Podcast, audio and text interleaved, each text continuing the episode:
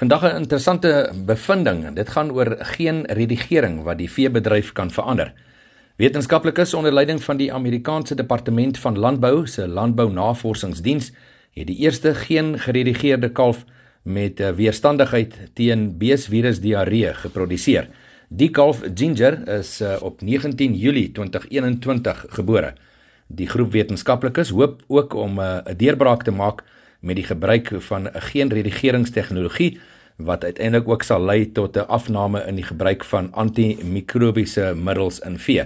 Volgens die wetenskaplike verslag is ginger vir verskeie maande waargeneem en later aan die virus blootgestel om te bepaal of sy besmet kan raak en sy is vir 'n week ook saam met uh, BVD besmette kalf wat uh, die virus by geboorte opgedoen het aangehou.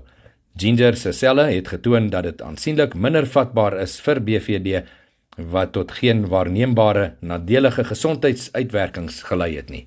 Baie goeie nuus vir die eh, rooi vleisbedryf.